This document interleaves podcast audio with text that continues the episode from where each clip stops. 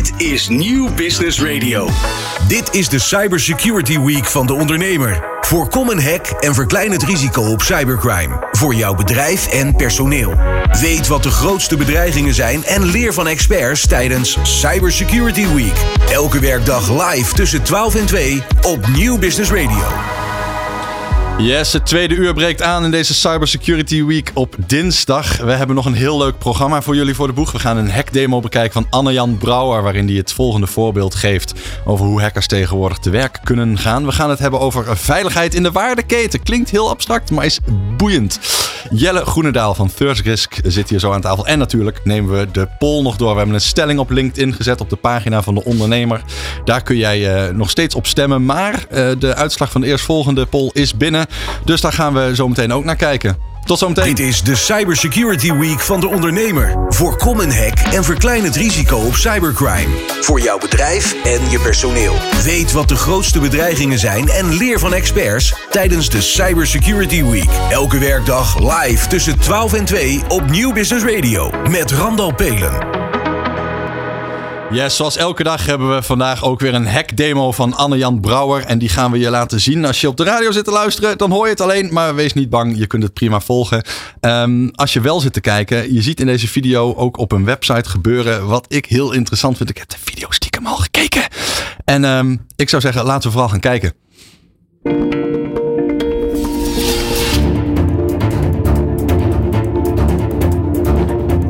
1 op de 5 ondernemers loopt grote risico's op schade door cyberaanvallen. Iedere ondernemer heeft wel één of meerdere websites, applicaties, etc. Maar hoe veilig zijn die nou eigenlijk? Die vraag probeer ik de komende 5 dagen voor jullie te beantwoorden. Ik ben Anne-Jan Brouwer, ontwikkelaar en ethisch hacker.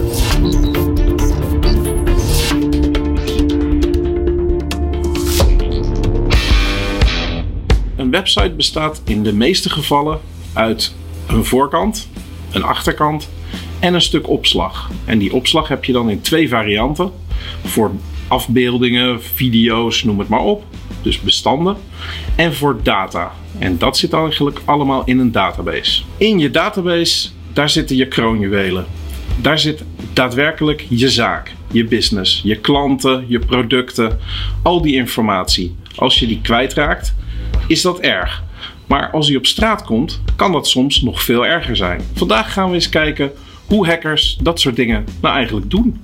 Om dat uh, een beetje inzichtelijk te maken, heb ik een nep-website. En ik heb hier een formulier en daar kan ik als eindgebruiker kan ik een nummertje invullen om de naam van bijvoorbeeld uh, partners van de website op te vragen. In dit geval voer ik nummer 2 in en daar komt uit Gordon Brown. Ik vul nummer 4 in en daar komt uit Pablo Picasso. Maar wat als ik er nou iets intelligents in stop? Als ik bijvoorbeeld een hekje type, dan krijg ik een hele lelijke foutmelding. En hackers die een foutmelding zien, die denken: ah, hier kan ik meer. Dus ik ga nog meer typen. Ik typ union, select. Dus voeg samen, selecteer, gebruikersnaam en wachtwoord uit de gebruikerstabel. Geef mij die data. En die krijg ik dan ook van de computer. Gelukkig worden wachtwoorden eigenlijk nooit echt als wachtwoord opgeslagen. Er staat niet welkom 123 in de database. Dat wordt gehashed. Een hash kun je eigenlijk zien als een vingerafdruk. Je kan niet van de vingerafdruk terug naar een persoon. Je kan wel van een persoon een vingerafdruk nemen en die vergelijken. Datzelfde gebeurt met wachtwoorden. Alleen die hashes zijn niet altijd even veilig als het een hash is van een veel gebruikt woord, kun je naar een publieke website. Hackers weten dat er publieke lijsten zijn van reeds gekraakte hashes. En die kun je dan dus ook gewoon opzoeken. Dan is het in plaats van hele zware bewerking, is het opzoeken in een database. En in dit geval komt daaruit dat het wachtwoord password is. Wat er hier dus misgaat, is dat de database iets ontvangt wat hij helemaal niet verwacht. De database verwacht een nummertje en krijgt een heel verhaal. De database weet exact hoe die daarmee moet omgaan. Het is alleen niet hoe die ermee om zou moeten gaan.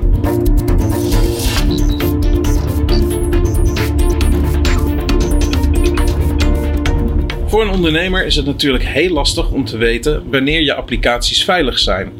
Bij grotere bedrijven zit je meestal wel oké. Er zijn een heleboel mensen die er naar kijken. Die huren ook vaak ethisch hackers in om ja, de boel goed in de gaten te houden, veilig te houden. Bij kleinere bedrijven is dat vaak lastiger. Ik zou aanraden om in ieder geval te gaan praten met je leverancier. En ook de vraag te stellen of ze daar zelf oplossingen voor hebben bedacht. Of dat ze bekende oplossingen gebruiken. De veiligheid zit in dit geval toch wel in de massa. Hoe meer mensen daarnaar kijken, hoe beter het getest is, hoe veiliger je zit over het algemeen.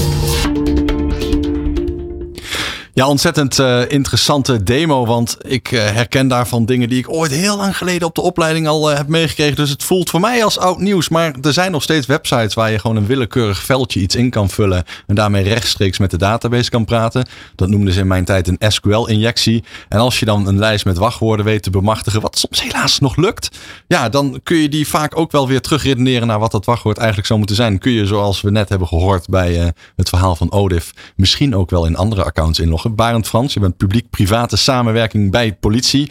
Uh, ja, dit is voor jou natuurlijk ook uh, een gesneden koek. Dit zou iedereen al lang moeten weten. Dit uh, weet niet iedereen. Nee. Ehm, voornamelijk de, de, technische mensen binnen de IT-wereld, die weten dit inderdaad wel. En we zien helaas nog steeds dat er op deze manier hacks worden gepleegd. En dat er eigenlijk data wordt gestolen. Ja. Wat moet je daaraan doen als MKB-ondernemer? Nou, eigenlijk uh, toch proberen om uh, uh, ietsje meer veiligheid in te kopen. En inderdaad met je leveranciers gaan praten van wat, wat doen jullie eraan? En hebben toch een goed wachtwoordbeleid met betrekking tot hoe je het eventueel zou gaan versleutelen in de database die beschikbaar is door die SQL-injectie. Ja, wat ik me goed voor kan stellen is dat dit soort kleine gaatjes vaak ook op pagina's terechtkomen waar ja, bijna nooit iemand komt en waarvan je bijna vergeten was dat je ze nog op je website had staan. Zie je dat vaker gebeuren? Dit uh, gebeurt vaker. Het is mezelf ook wel eens een keer gebeurd. Uh. Oh ja? ja? Nu word ik nieuwsgierig. Wat is er gebeurd? Nou, is een hele lange tijd geleden uh, hadden wij een, een, site van een voetbalvereniging uit het dorp waar wij vandaan kwamen. En uh, dat bleek inderdaad ook gewoon uh, aan de achterkant ergens open te staan. Uh, als je de juiste URL had, had je eigenlijk alle data van alle wedstrijden. En, dus het komt inderdaad voor. Goed zoeken en je kan inderdaad nog spoortjes vinden. Ja. Dus het spanningsveld zit hem eigenlijk tussen jou en je leverancier. je zou ook iemand in kunnen huren die voor jou al die tests gaat zitten doen. Ja, heel veel meer als je niks van techniek weet. ik vind het ingewikkeld, Barend. Maar het is ook ingewikkeld. En dan denk ik ook van uh, huur daar of, of uh, haal daar de juiste personen voor uh, binnen. En dat doe je in het dagelijks leven ook met andere zaken. Dus waarom zou je het in dit geval niet doen? Ja. Wat, wat doet dat met je als je die demo ziet en je ziet toch ja, dingen die voor ons als gesneden koek lijken te voelen, als, als kwetsbaarheden opduiken. Wat ik heel erg opvallend vind is dat het ja, een soort voelt als basistips die iedereen al zou moeten weten. En dan ja, een soort van zucht van is de wereld nog niet zo ver. Overal andere wachtwoorden. Zorgen dat je website veilig is, up-to-date. Het, het lijkt zo simpel allemaal. Het is volgens mij ook ontzettend simpel. Hè? We moeten het wel zelf doen. En daar ontbreekt het nog wel eens aan. Ja. Nou, gelukkig hebben we hier ook iemand aan tafel die uh, helpt om dat te doen. En uh, daarom gaan we zo praten met Jelle Groenendaal, Chief Marketing Officer bij Third Risk.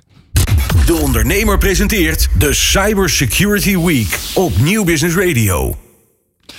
Jelle Groenendaal, medeoprichter en uh, Chief Marketing Officer bij Third Risk. Uh, Third Risk maakt innovatieve software waarmee bedrijven die in een keten met anderen samenwerken hun risico's kunnen verminderen. Dat is een hele mooie zin.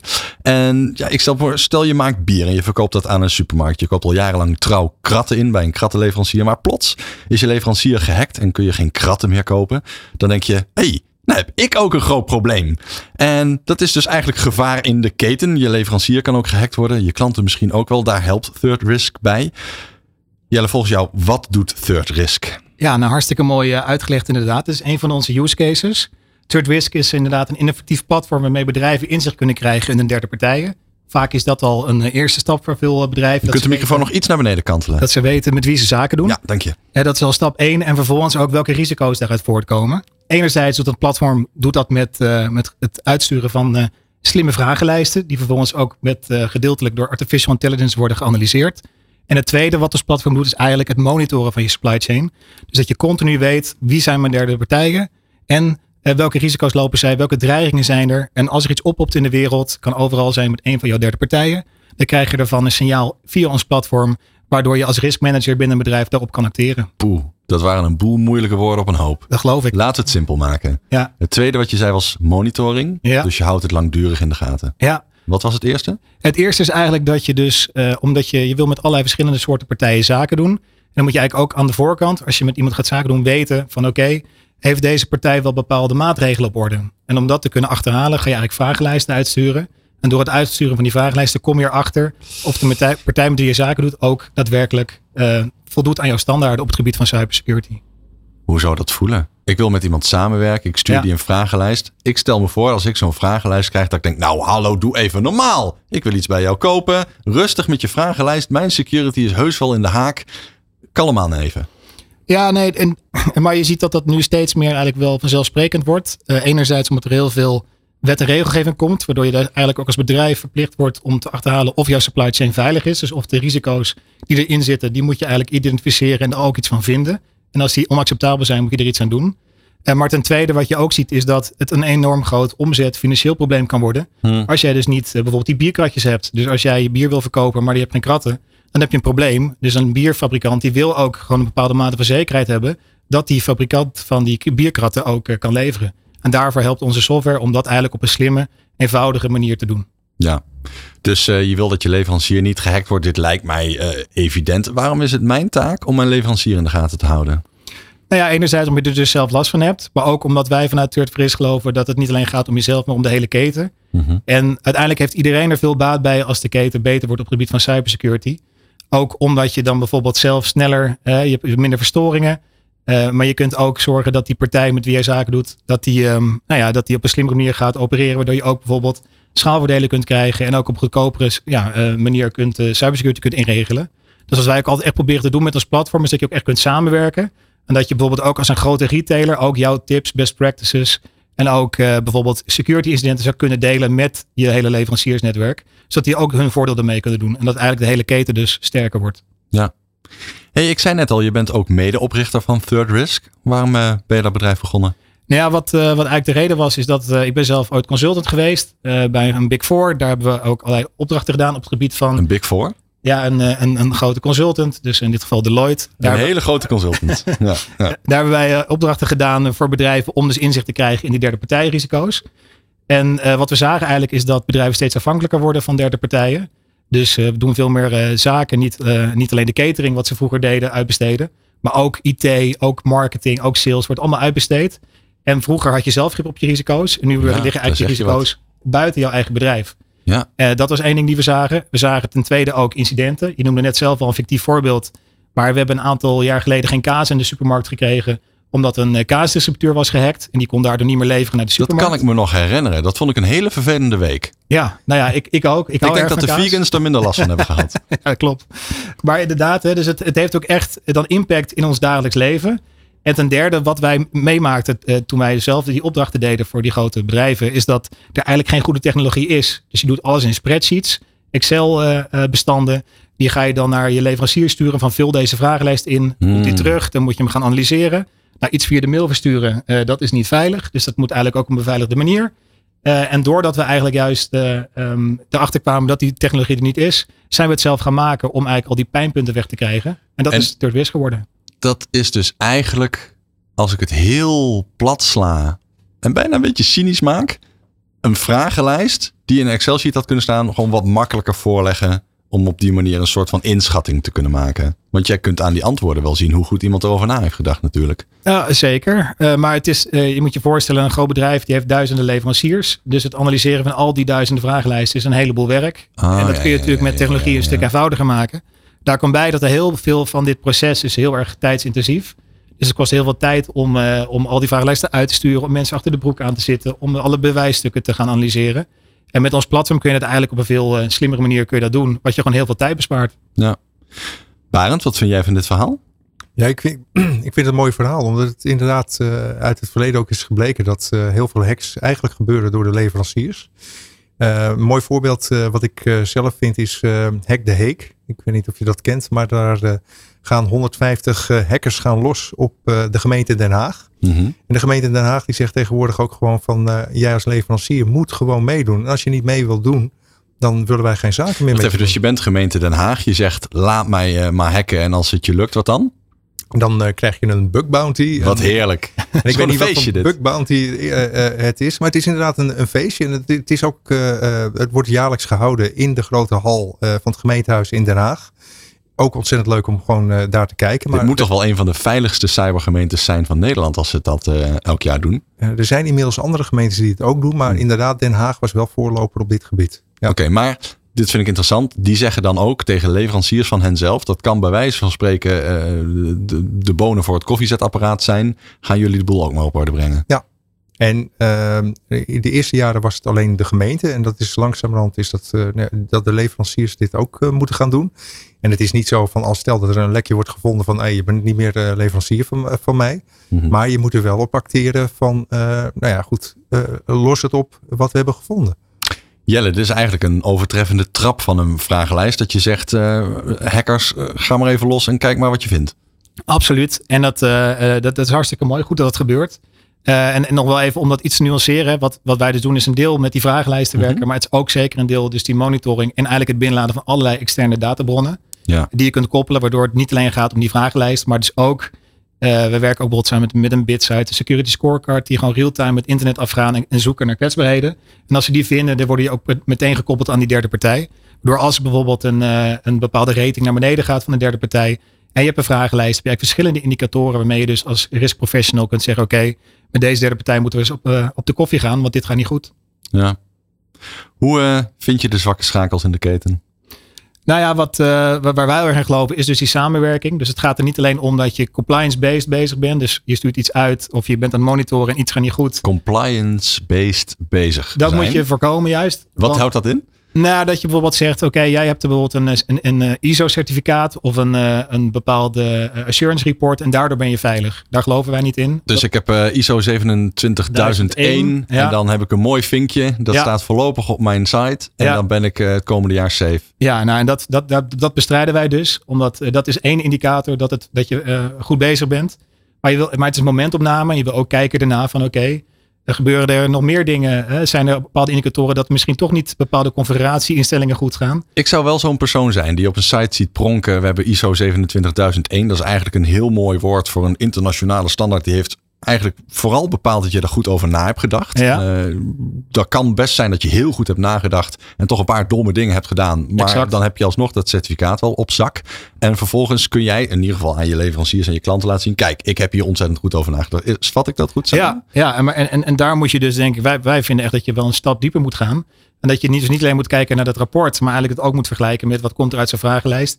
En bijvoorbeeld uit, eh, uit bijvoorbeeld externe opgestelde pentestrapporten. Dus rapporten waarbij dus een externe partij heeft gekeken van oké, voldoet het systeem of voldoet jouw organisatie eh, daadwerkelijk aan bepaalde eh, vereisten die je mag stellen aan bijvoorbeeld een website. Ja, ik kan me wel voorstellen dat als je nu zit te luisteren, je bent MKB'er. We hebben net ook al, ook al gehoord, joh, zo'n test dat, eh, dat kan ontzettend in de papieren lopen.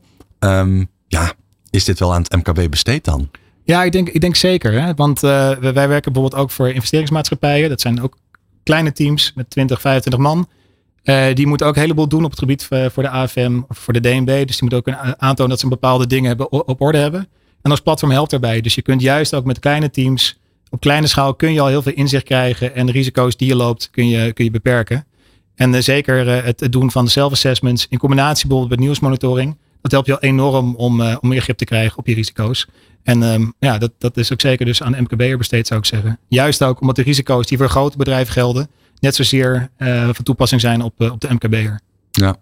Misschien ook een, eh, een, een leuke tip is internet.nl. Ik weet niet of je de site kent. Maar Wacht daar- even, internet.nl. Internet.nl. Oké, dat eh, ken ik niet. Wat is dat? Oké, nou nou ja, goed. Daar kan je als eh, ondernemer, of eigenlijk eh, als je een website hebt, kan je daar je domeinnaam invoeren. En dan krijg je eigenlijk eh, een score te zien eh, hoe veilig jouw website is. Mhm. En daarnaast, als de score eh, nou ja, goed, niet 100% is, krijg je ook gelijk de opties te zien eh, hoe je die eh, website wel 100% kan maken. Ja, Dus en hier staat dat de site een initiatief is van de Nederlandse overheid. klopt. Van, Nou, dat klinkt toch sympathiek dan.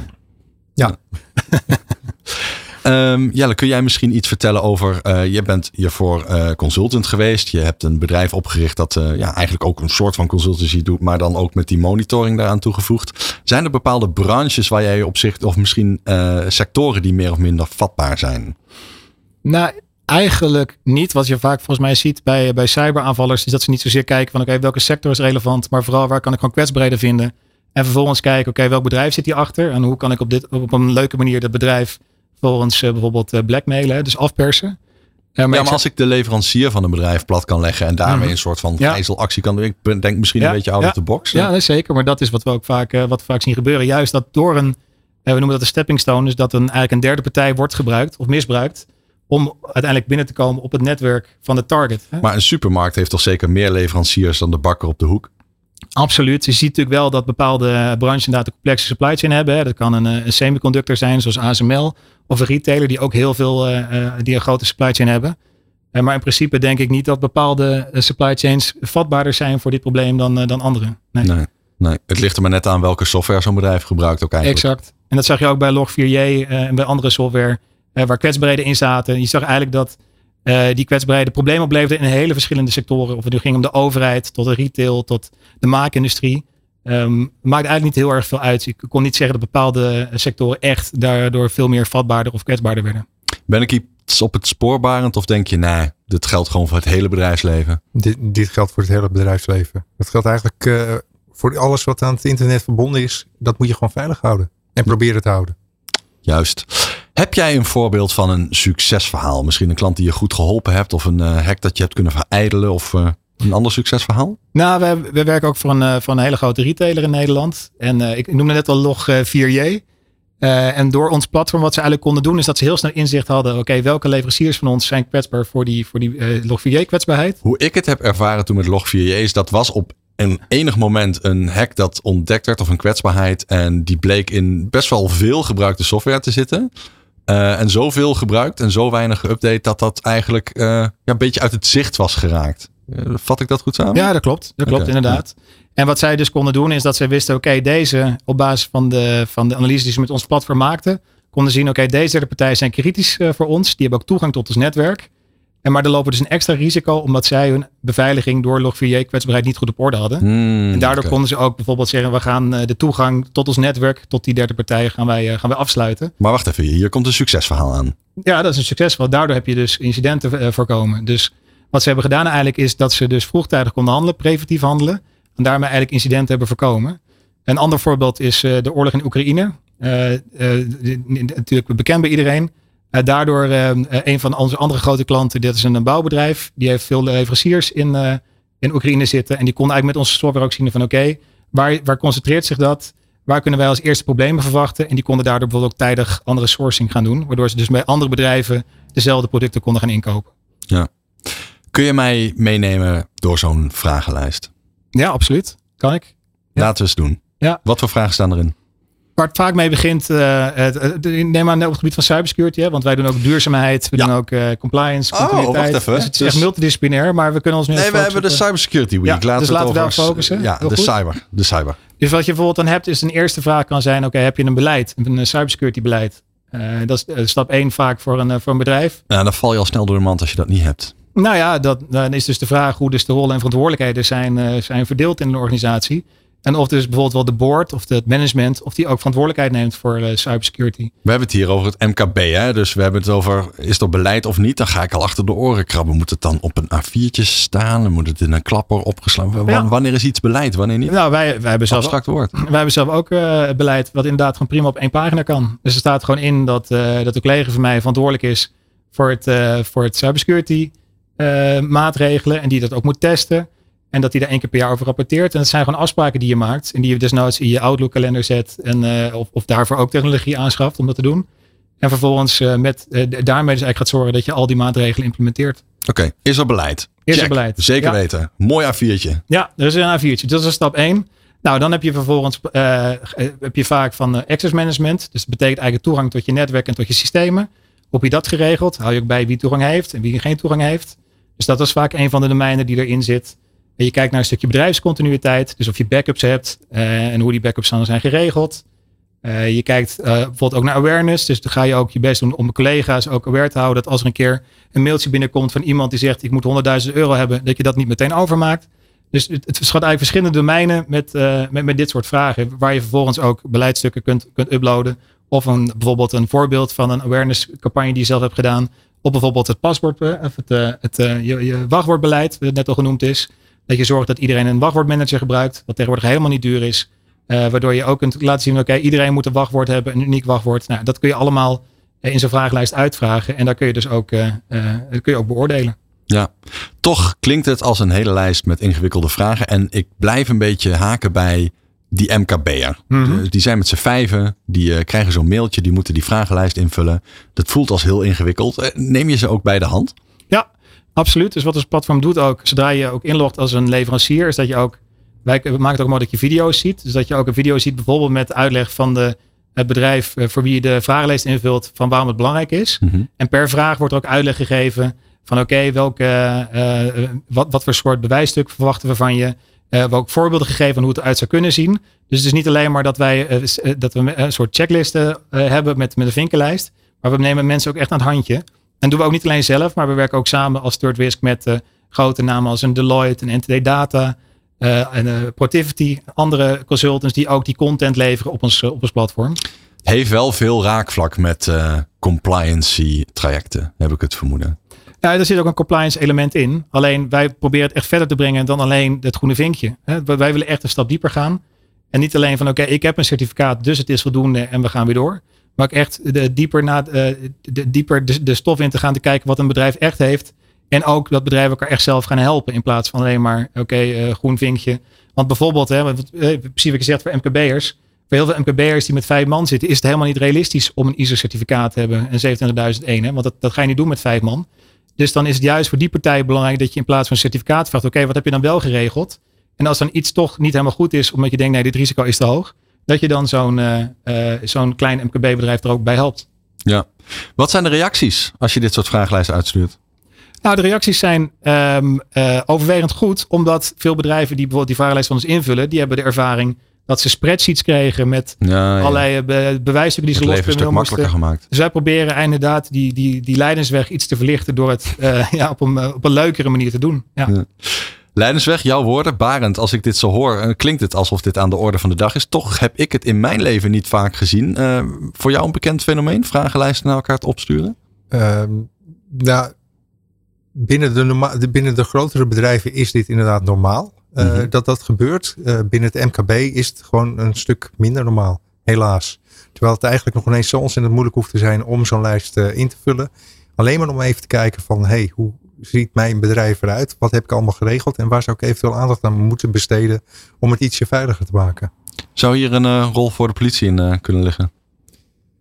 Um, ja, ik, ik, ik, denk het eigenlijk niet. Nee. Uh, nee, ik, we hebben heel lang geleden hebben we het keurmerk Veilig Wonen gehad. Toen gingen we ook nog steeds langs de woning om in ieder geval aan te geven van, nou ja, uw woning is misschien niet veilig genoeg. U moet een ander slot hebben.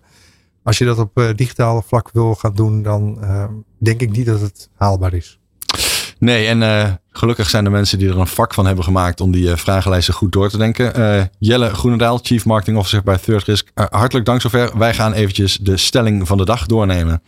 Dit is de Cybersecurity Week van de ondernemer.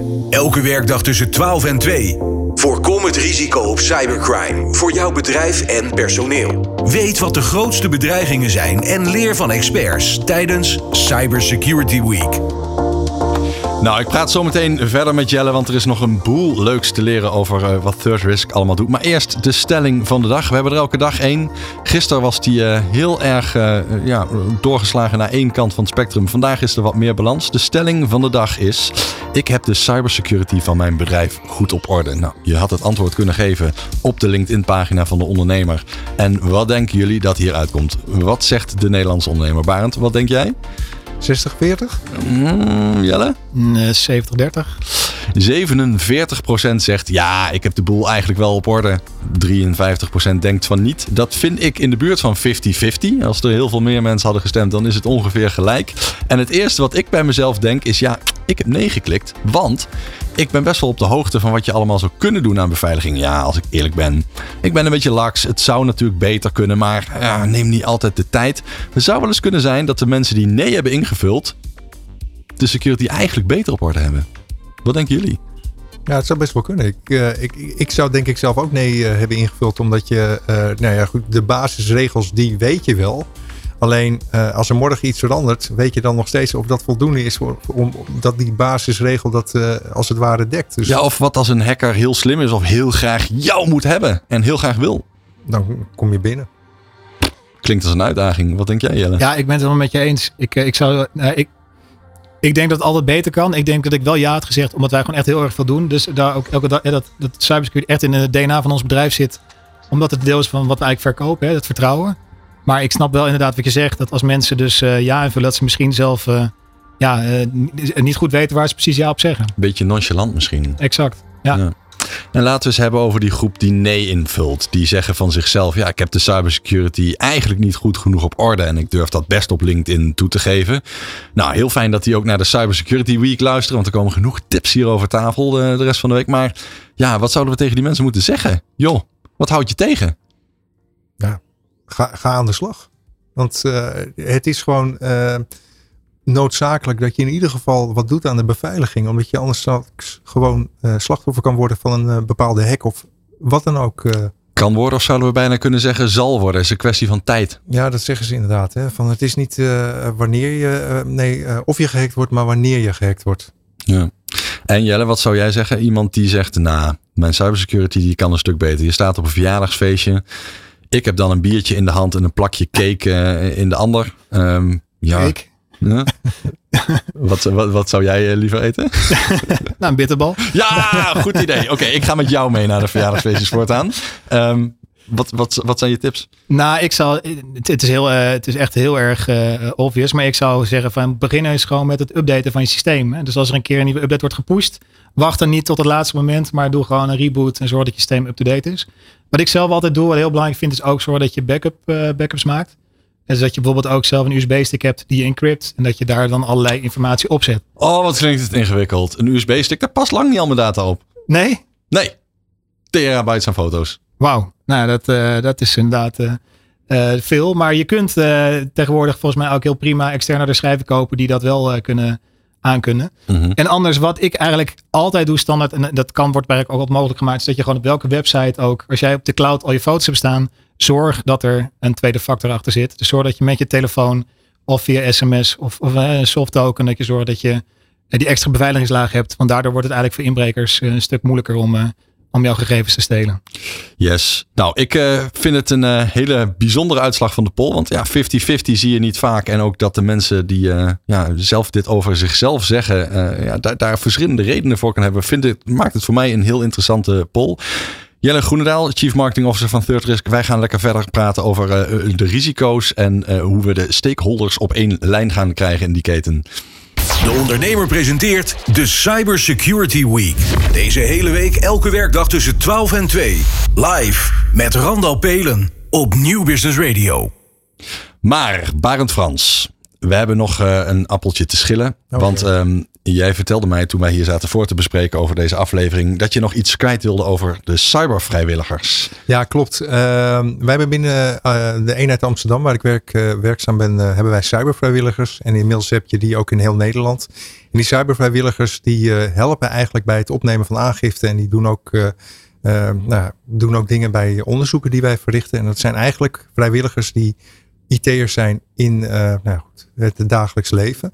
Um, we hadden een uh, collega, we hadden een collega uh, Arnoud de Bruin. Die heeft dat uh, in Nederland helemaal opgezet. Eerst in Amsterdam en vervolgens in heel Nederland. En Arnoud is gisteren overleden. Hmm. En, Gecondoleerd. Dankjewel. En ik wilde er toch nog even kwijt, want hij heeft er wel voor gezorgd dat er in Nederland een stukje meer veiligheid en weerbaarheid is gekomen ja, op het gebied van digitaal. Ja, ja mooi.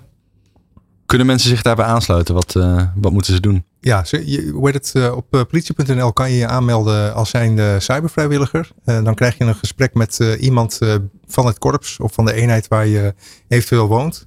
En dan wordt er eigenlijk, ja, het is geen sollicitatiegesprek, maar wel uh, besproken van hey, waar, liggen, waar liggen jouw sterke punten waar jij ons eventueel zou kunnen helpen. En uh, dan kan je als het ware cybervrijwilliger worden.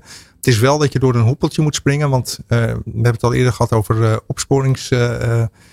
Dat je de opsporing in mag. Dus je moet een aantal trainingen doen voordat je eigenlijk echt aan het werk kan. Dus een soort digitale equivalent van wat men de vrijwillige politie noemt misschien Ja, wel. klopt. Ah. Het is eigenlijk hetzelfde. De vrijwillige politie die trekt het uniform aan en die gaat meehelpen bij een e event. En de digitaal vrijwilliger is eigenlijk dezelfde politievrijwilliger, alleen die helpt bij digitale zaken. Yes, mooi verhaal, dankjewel. De ondernemer presenteert de Cyber Security Week op Nieuw Business Radio. Jelle Groenendaal, Chief Marketing Officer van Third Risk. Wij praten lekker verder. Uh, de tweede tak van sport die jullie eigenlijk doen naast het uh, doen van uh, wat wij oneerbiedig de vragenlijsten zijn gaan noemen, is het monitoren van de waardeketen. Um, laten we even beginnen. Wat monitoren jullie en wat zijn die risico's die veel voorkomen? Nou, wat we doen is dat we door middel van een externe partij, Business Radar, doen wij dus ook het nieuws monitoren doen we niet alleen in Nederland. Wacht maar even, het nieuws? Het nieuws. Ja. Oké, okay, ja. Dus bedrijven, dus die derde partijen die kunnen in het nieuws voorkomen. Bijvoorbeeld als, een, uh, als er een hack is, maar ook als er een, uh, bijvoorbeeld een schandaal is. Ja, mijn leveranciers zijn ze in het nieuws. Dat zou ik willen weten. Ja, en dan krijg je daarvan een bericht in ons platform. En niet alleen het Nederlandse nieuws. Je hebt natuurlijk ook leveranciers die in het buitenland zitten. In Duitsland, uh, Azië, noem maar op. Alles wat, wat over je leverancier wordt gezegd, dat kunnen wij vertalen vanuit die taal richting Nederlands. En dat krijg je op ons platform te zien. En als je bijvoorbeeld meer dan drie negatieve berichten hebt over jouw derde partij, dan krijg je daarvan een notificatie in ons platform. Hmm, dat vinden die partijen helemaal niet leuk, denk ik. Nou, dat, uh, dat, dat weet ik niet. Het is wel heel handig. Um, want ja, weet je, ze komen in het nieuws. Het is niet dat wij het nieuws zelf maken. Het is dat wij het nieuws gewoon monitoren. Wij, wij scrapen het internet. Wij zien dat. We halen het binnen en wij laten het zien aan, aan onze klanten. En dat doen we op allerlei verschillende gebieden. Hè. Dus het kan dus inderdaad gaan om een reputatieschandaal, om een fraude of om een, een cybersecurity aanval. Uh, daarnaast, wat we hebben naast nieuwsmonitoring, is dat we ook uh, voor cybersecurity specifieke ratings binnenhalen. Mm -hmm. En daarvoor werken we samen met een Bidside Security Scorecard. En wat zij doen is dat Bidside zij... Security Scorecard. Ja, dat okay. zijn Amerikaanse bedrijven. En wat zij doen is dat zij van een leverancier gaan zij voor ons kijken wat ze aan de buitenkant kunnen scannen en kunnen vinden. En vervolgens geven ze eigenlijk een soort cijfer aan de, uh, de beveiliging van die derde partij. En dat cijfer kunnen wij ophalen. Dat kunnen wij ook laten zien in ons platform. En dan heb je dus een soort inzicht, eigenlijk een indicatie hoe veilig die, uh, die derde partij precies is. Volgens die, uh, die leveranciers. Hè, ja, dit ja, ja. Security Scorecard.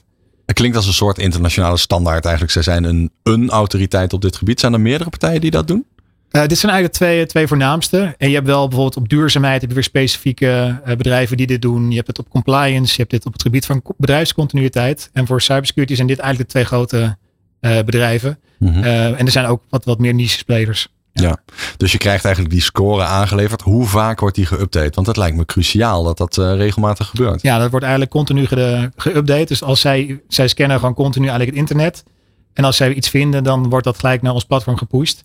En dat kun je dus ophalen en, uh, en daar gelijk op acteren. Kun je bijvoorbeeld bij ons gelijk een incident of een issue aanmaken. Om ook daadwerkelijk opvolging te geven. En want dat is één ding, wat je zegt, monitor is mooi, leuk dat je het allemaal weet. En dan, wat ga je ermee doen? En dat is ook iets wat wij in ons platform proberen te, te faciliteren door allerlei uh, werkstromen. Dat je ook dat ja, een workflow. Werkstromen. Ja, ja, ja. ja, Ook een, nee, moest, ik, ik, een workflow ken ik ja. uh, uit duizenden, maar. Ja, ik denk, ik, ik, ik gebruik een Nederlandse woord, hè, dus een workflow die je dus, die je dus hebt om te zorgen dat als er bijvoorbeeld zo'n score van een bidsite is gedaald, dat je dus ook daar iets mee gaat doen, zodat je. Wat ga je daarmee doen?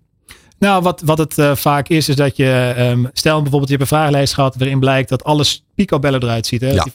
Nou, dat, dat Daar ga ik wel vanuit. Ja. Tuurlijk. En dan krijg je van Bitside krijg je voor onze score door die heel laag is. Dus Mhm. dan heb je eigenlijk twee contrasterende uh, indicatoren. En dat geeft dan weer een, uh, een, een mooi handvat om met die leverancier te gaan praten. Maar is ook zo wat als ik in die vragenlijst invul. Nou, het is eigenlijk een bende. Maar goed, ik wil wel graag met je in zee. Oh ja, hier die scorekaart zegt ook iets negatiefs. Het is in ieder geval in de lijn. Uh, nee, want uh, sowieso is het natuurlijk ook bewijs uh, zit er ook bij. Hè? Dus je moet ook, als je iets claimt, moet je dat ook kunnen hard maken. Maar juist doordat je dus die verschillende indicatoren hebt, kun je dus ook veel Um, nou, gerichter met zo'n partij uh, een, een, afspraak maken van wat is er eigenlijk aan de hand. Of überhaupt zeggen, nou met jou wil ik geen zaken doen. Want dit, hmm. is het zo groot uh, verschil tussen, dit, dit, dit klopt volgens ons niet. Ja. Barend, herken jij dit uit het veld, die scorekaarten? Ja, wel deels. Ik, wij gebruiken ze niet. Um, het is wel zo dat DIVD, ik weet niet of jullie dat wat zegt, maar dat is een... Ja is een organisatie eh, met vrijwilligers. Dat zijn allemaal hackers eh, die eigenlijk eh, ook het internet helemaal afscannen om te kijken van waar zitten de fouten, waar zitten de, de, de kwetsbaarheden. En die kunnen eventueel ook nog bedrijven ehm, notificeren wanneer zij slachtoffer, of tenminste mogelijk slachtoffer kunnen gaan worden, omdat ze nou, bijvoorbeeld zo'n lek in een systeem hebben zitten. Ja, Nee, vind ik een interessante invalshoek. Want uh, eh, DIVD staat voor Dutch Institute of Vulnerability Disclosure. Een heel mooi woord voor wij gaan kwetsbaarheden zien. We gaan die kwetsbaarheden melden. En op die manier proberen we de wereld wat veiliger te maken. Maar goed, we weten allemaal, uh, je kunt soms meldingen doen. En als iemand daar helemaal niks mee doet, ja, dan sta je daar vervolgens toch wel een beetje in je hemd. Dan, dan, dan heb je toch nog niks verbeterd in de wereld. Um, die scorekaarten hebben daar dus eigenlijk wel iets mee te maken. Het komt een beetje op hetzelfde neer. Ja, klopt. Alleen uh, wij doen er niks mee. En ik uh, kan me voorstellen dat jullie daar uh, inderdaad wel wat mee doen. Omdat jullie heel mooi visueel zien van hoe het, hoe het eruit ziet. Ja, Jelle, hoe pak je dat aan? Je krijgt een, een, een, leverancier, die moet je een, een, een vragenlijst in laten vullen.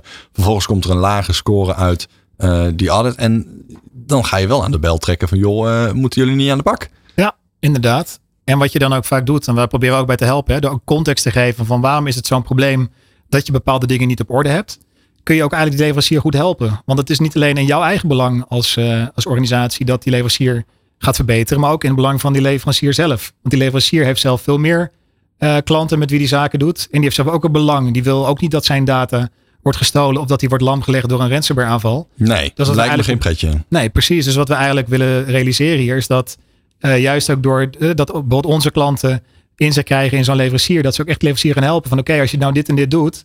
Dan is het risico gaat voor ons naar beneden. Maar ben je zelf ook een stuk meer uh, veilig. En bescherm je ook beter je eigen data en je eigen systemen. Ja. We hadden net dat Log4j uh, voorbeeld. En daarin zijn jullie ook op de tamtam gaan slaan. En bedrijven gaan helpen om daar de beveiliging beter op orde te krijgen. Zie je andere trends? Zijn er dingen aan de hand op internet? Want ik weet, Um, ransomware komt veel voor. Andere voorbeelden? Ja, ransomware is uh, daar nog steeds heel erg dominant. Wat we ook nog steeds uh, zien zijn gewoon phishing. Uh, en waar, waar we zelf ook heel veel nog af en toe nog mails krijgen van mensen die bijvoorbeeld proberen de, ons te bewegen om geld over te maken naar ze. Moeilijk daar een score aan te hangen natuurlijk. Je kunt niet proactief van de buitenkant testen hoe goed is dit bedrijf beveiligd tegen phishing. Nee, dat is lastig. Dat is lastig. Ja, dat klopt. Hoe pak je dat aan? Nou ja, wat je wel kan doen is van kijken of een bedrijf zelf uh, phishing campagnes uh, organiseert. Hè. Dus of zij bijvoorbeeld met een externe partij. Er zijn ook allerlei gratis tools op internet beschikbaar waarmee je ook je medewerkers kunt trainen om niet op bepaalde linkjes te klikken in e-mails. Of om voorzichtig te zijn met het oprapen van een USB-stick in de parkeergarage en er niet uh, argusloos in de computer te stoppen. Dus je kunt ook, als je dat soort dingen dus doet, kun je in ieder geval ook laten zien dat je zelf als, als derde partij of als organisatie daar wel dat, dat serieus neemt en daar ook probeert mensen op te leiden. Ja. Hoe ver gaat die monitoring? Je kijkt of eh, partijen in het nieuws zijn, wat die uh, scoring ja, precies is van verschillende partijen. daar win je externe informatie voor in. doe je nog meer? Um, ja, we, doen nog, ons platform nog veel meer capabilities. Maar als het puur gaat om het, het, in de gaten over derde partijen, is het denk ik heel belangrijk. En wat ik net eigenlijk ook al zei, is van uh, leuk, je hebt allerlei indicatoren die je binnenkrijgt. Maar uiteindelijk wil je er ook iets mee gaan doen. Juist. Ja, het gaat omdat je ook acties eraan koppelt. Mm -hmm. En wat we bijvoorbeeld nu ook hebben gemaakt, hè, deels ook uh, met artificial intelligence, is dat het platform je ook helpt als je dan allemaal resultaten binnengekregen van die vragenlijsten. Dus die is ingevuld. Dat je met AI ook daar een samenvatting van kan maken. En dat er ook wel suggesties kunnen worden gedaan van oké, okay, um, wat zouden goede oplossingsrichtingen zijn voor deze specifieke leverancier. Een ander voorbeeld is dat we ook kunnen, bedrijven kunnen helpen ook met het analyseren van uh, assurance, eh, van uh, rapportages van een auditor. Mm -hmm. uh, daar staan, die zijn vaak honderden pagina's. En dan ook die goed samen te vatten en daar alle highlights uit te halen. Zodat je ook weet van oké, dit, dit zijn de dingen die zijn gevonden. En misschien moet ik, omdat de scope van de, de audit beperkt was, hier en daar nog wat vragen stellen aan de leverancier. Ja. Is iedereen altijd blij met dat soort tips? Wat wij kunnen zien wel. wij hebben uiteraard geen, geen toegang tot uh, de, de, de data van onze klanten. Maar wat we wel terugkrijgen van de, de mensen, de, onze klanten eigenlijk, is dat ze, ja, dat, dat ze het heel fijn vinden dat ze ook echt waarde kunnen, toe, uh, kunnen, kunnen leveren. En dat het niet alleen gaat van oké, je hebt een rapport, check. Maar je ook echt kan zeggen, oké, doe nog dit en dit. Dan ben je extra veilig. en dan kunnen wij ook beter met je samenwerken. Ja. En hoe zien de uh, klanten bij jullie eruit? Want we hebben het uh, deze week over de Cybersecurity Week. Wij richten ons met name op het MKB, omdat we hebben al een aantal keer geconstateerd, ja, de echt grote jongens, die hebben die budgetten wel en die hebben de boel soms ook best wel goed op orde. Het MKB uh, loopt daarin nog achter en heeft soms het idee dat het nog wel een ver van hun bedshow is. Zie je dat soort klanten ook steeds meer bij jullie aanmelden? Ja, wat ik net zei, we hebben investeringsmaatschappij ook als klant, maar bijvoorbeeld ook nu tegenwoordig uh, maakindustrie. Hè? Dus bedrijven met 200, 300 medewerkers die ook als platform gebruiken. Om alleen al om inzicht te krijgen met wie ze überhaupt zaken doen. En een eerste licht in te krijgen van oké, hoe belangrijk zijn de leveranciers eigenlijk voor mij? Uh, eigenlijk heel gek? Dat, dat ze dan er ook achter komen van oké, met sommige leveranciers zitten allemaal in één gebied. Ja, als daar een keer wat mee gebeurt door geopolitieke spanningen, dan hebben we een probleem. Dan komt er geen levering meer. Dus nee, het is zeker zo dat ook voor MKB Plus of groot MKB dat dat heel, ja, dat we steeds meer vraag zien naar ons product. Ja. Barend, wat vind je van het idee om in de gaten te houden hoe jouw leveranciers in het nieuws zijn? Voor mij is dit een nieuw fenomeen. Ik ken hem, ik, ik ken hem zelf al. Dus, uh, en volgens mij is het alleen maar goed. Want er zijn een aantal sites uh, waar je inderdaad kunt vinden hoe het uh, met je leverancier staat. je hebt ook een ransomware groepering die heel keurig vermeldt wanneer ze iemand geïnfecteerd hebben en wanneer ze eventueel iemand echt gaan ransomen. Dus als je mhm. dat goed in de gaten kunt houden, dan is het alleen maar mooi om te weten hoe het met het bedrijf staat. Dus ja, ik vind het alleen maar logisch. Is natuurlijk ook midden in jouw vakgebied, hè? publiek-private samenwerking. Dus uh, je bent wel gewend dat je zo nu en dan een bedrijf moet waarschuwen voor het een en ander. Um, kun je iets vertellen over de schade die je kunt hebben als bedrijf op het moment dat je wel echt in de waardeketen geraakt bent en niet eens bij jouzelf? Nou, het is niet alleen de schade die je op de systemen uh, als het ware uh, krijgt. Dus dat kunnen inderdaad, net zoals in het vorige uur het verhaal over uh, de, de, de 140.000 euro zijn die eventueel weggenomen is. laten we wel weer terug. Maar het is ook de schade voor het herstellen. het is het schade dat werknemers niet kunnen werken aan de projecten of de werkzaamheden die ze normaal zouden moeten doen. En dat gaat heel erg snel in de papieren lopen. dus eigenlijk is het op orde hebben van je eigen beveiliging bijna synoniem voor het ook op orde hebben van de beveiliging van je leveranciers. Omdat je die afhankelijkheden zo groot ziet worden. Ja, ja. klopt. Ja. Je hele bedrijf kan plat liggen. Ja, en dan ben je echt uh, het haasje. En dan uh, heb je een, een groot probleem. En elke dag, elke uur. En voor sommige bedrijven zelfs elke minuut kost gewoon ontzettend veel geld als ze niet kunnen produceren. Ja. En Jelle, heb jij een uh, waarschuwing die je mensen zou kunnen geven? Heb jij het wel eens helemaal mis zien gaan? Hoe bedoel je? Dat een bedrijf uh, de waardeketen niet goed in uh, kaart had, of in ieder geval de risico's onvoldoende, ja, eigenlijk heel erg geconfronteerd is met een hack bij een van de bedrijven waar ze zaken mee doen. En op die manier zelf in de problemen kwam. Nou, ja, goed. Uh, net dat voorbeeld natuurlijk met die, uh, die kaas. dat kaasvoorbeeld vind ik altijd wel iets moois. Mm -hmm. Maar wat je hier ook ziet is dat eigenlijk de systemen van die distributeur die werden geraakt. Eigenlijk die retailers hadden er helemaal geen last van. Die hadden ook daar helemaal geen, geen, geen schade aan hun eigen systemen. Maar doordat die kaasdistributeur niet meer kon leveren, konden zij geen, geen kaas meer verkopen. En de omzet van kaas is best, best aanzienlijk binnen een retailer. Dus dat heeft best wel wat, wat geld gekost. Ja. Ja. Hey, wat zou jij eh, ondernemers mee willen geven? We sluiten zo meteen de tweede dag van de Cybersecurity Week af. We gaan de rest van de week nog praten over alle risico's die op hen afkomen en uh, wat ze daar uh, onder andere aan kunnen doen. Um, ja, wat zijn jouw tips aan de luisteraars? Ja, om binnen mijn eigen uh, postzegeltje te blijven. Want uh, jullie behandelen natuurlijk heel veel uh, dingen deze, deze week. Mm -hmm. Maar als het gaat om je leveranciers, is om gewoon eens eerst eens te zorgen, ook als MKB'er, ook al heb je misschien maar twintig leveranciers, maar is om dat overzicht te hebben van met wie doe je eigenlijk zaken. En ook eens na te denken van oké, wat gebeurt er als een van die leveranciers uh, niet meer kan leveren? Uh, bijvoorbeeld omdat hij gehackt is. Of uh, wat voor verbinding heb ik eigenlijk met die leverancier? Dus kan die leverancier ook mijn netwerk op, mijn, mijn systemen in? En weet ik dan eigenlijk wel of die leverancier daar voldoende aan doet? Dus om gewoon puur eens dat in, inzicht en overzicht te maken. En je dan eens af te vragen, oké, wat vind ik er eigenlijk van en wil ik er iets verder mee? Ja, en uh, de dingen die ze daarmee kunnen doen, ja, dat, dat, klinkt al heel snel alsof je daar wel hulp bij kan gebruiken. Ja, absoluut. Um, hangt natuurlijk een beetje af van je eigen uh, uh, achtergrond ook, en hoeveel je daarin in thuis bent. Maar het is zeker ook raadzaam om, om, om daar hulp bij te vragen. En ik moet zeggen, er is ook op internet, als je gaat zoeken, is er ook heel veel. Zijn er tutorials die je kan volgen en zijn er heel veel tips die je kunt, die je kunt lezen. Allerlei blogs en, en websites. Dus ik denk ook dat er ook wel heel veel tips ook al te, gewoon gratis en vrij te, te vinden zijn. Ja. Barend, ik zou nog even terug willen pakken, want het jeukt me toch nog een beetje, die poll. We hebben net uh, gehoord dat de helft van de Nederlandse ondernemers denkt, we hebben de cybersecurity aardig op orde. Uh, de andere helft denkt van niet. Dus A, er is nog werk aan de winkel. En B, de mensen die denken dat ze het op orde hebben, die, uh, die kunnen toch soms kwetsbaarder zijn dan ze zelf denken. Um, wat, wat ga jij de komende tijd doen in de publiek-private samenwerking om Nederland proberen veiliger te maken? Nou, in ieder geval uh, het woord verspreiden dat uh, deze uh, bedrijven en ook gewoon de consumenten hier iets aan moeten gaan doen. Um, maar ook daarnaast proberen, um, gisteren toevallig bij, de, bij een bank geweest om te praten over bankhelpdeskfraude. Om te kijken hoe kan je ervoor zorgen dat je nou toch niet dat bedrag gaat overmaken. Want wat is bank helpdesk fraude? Bank helpdesk fraude. Dan word jij gebeld door een medewerker van de bank. Die zegt dat jouw uh, rekening uh, mogelijk gehackt is. En dat geld wat op jouw rekening staat. Dan moet dan naar een kluisrekening overgemaakt worden. En die kluisrekening die is dan in het beheer van uh, de crimineel.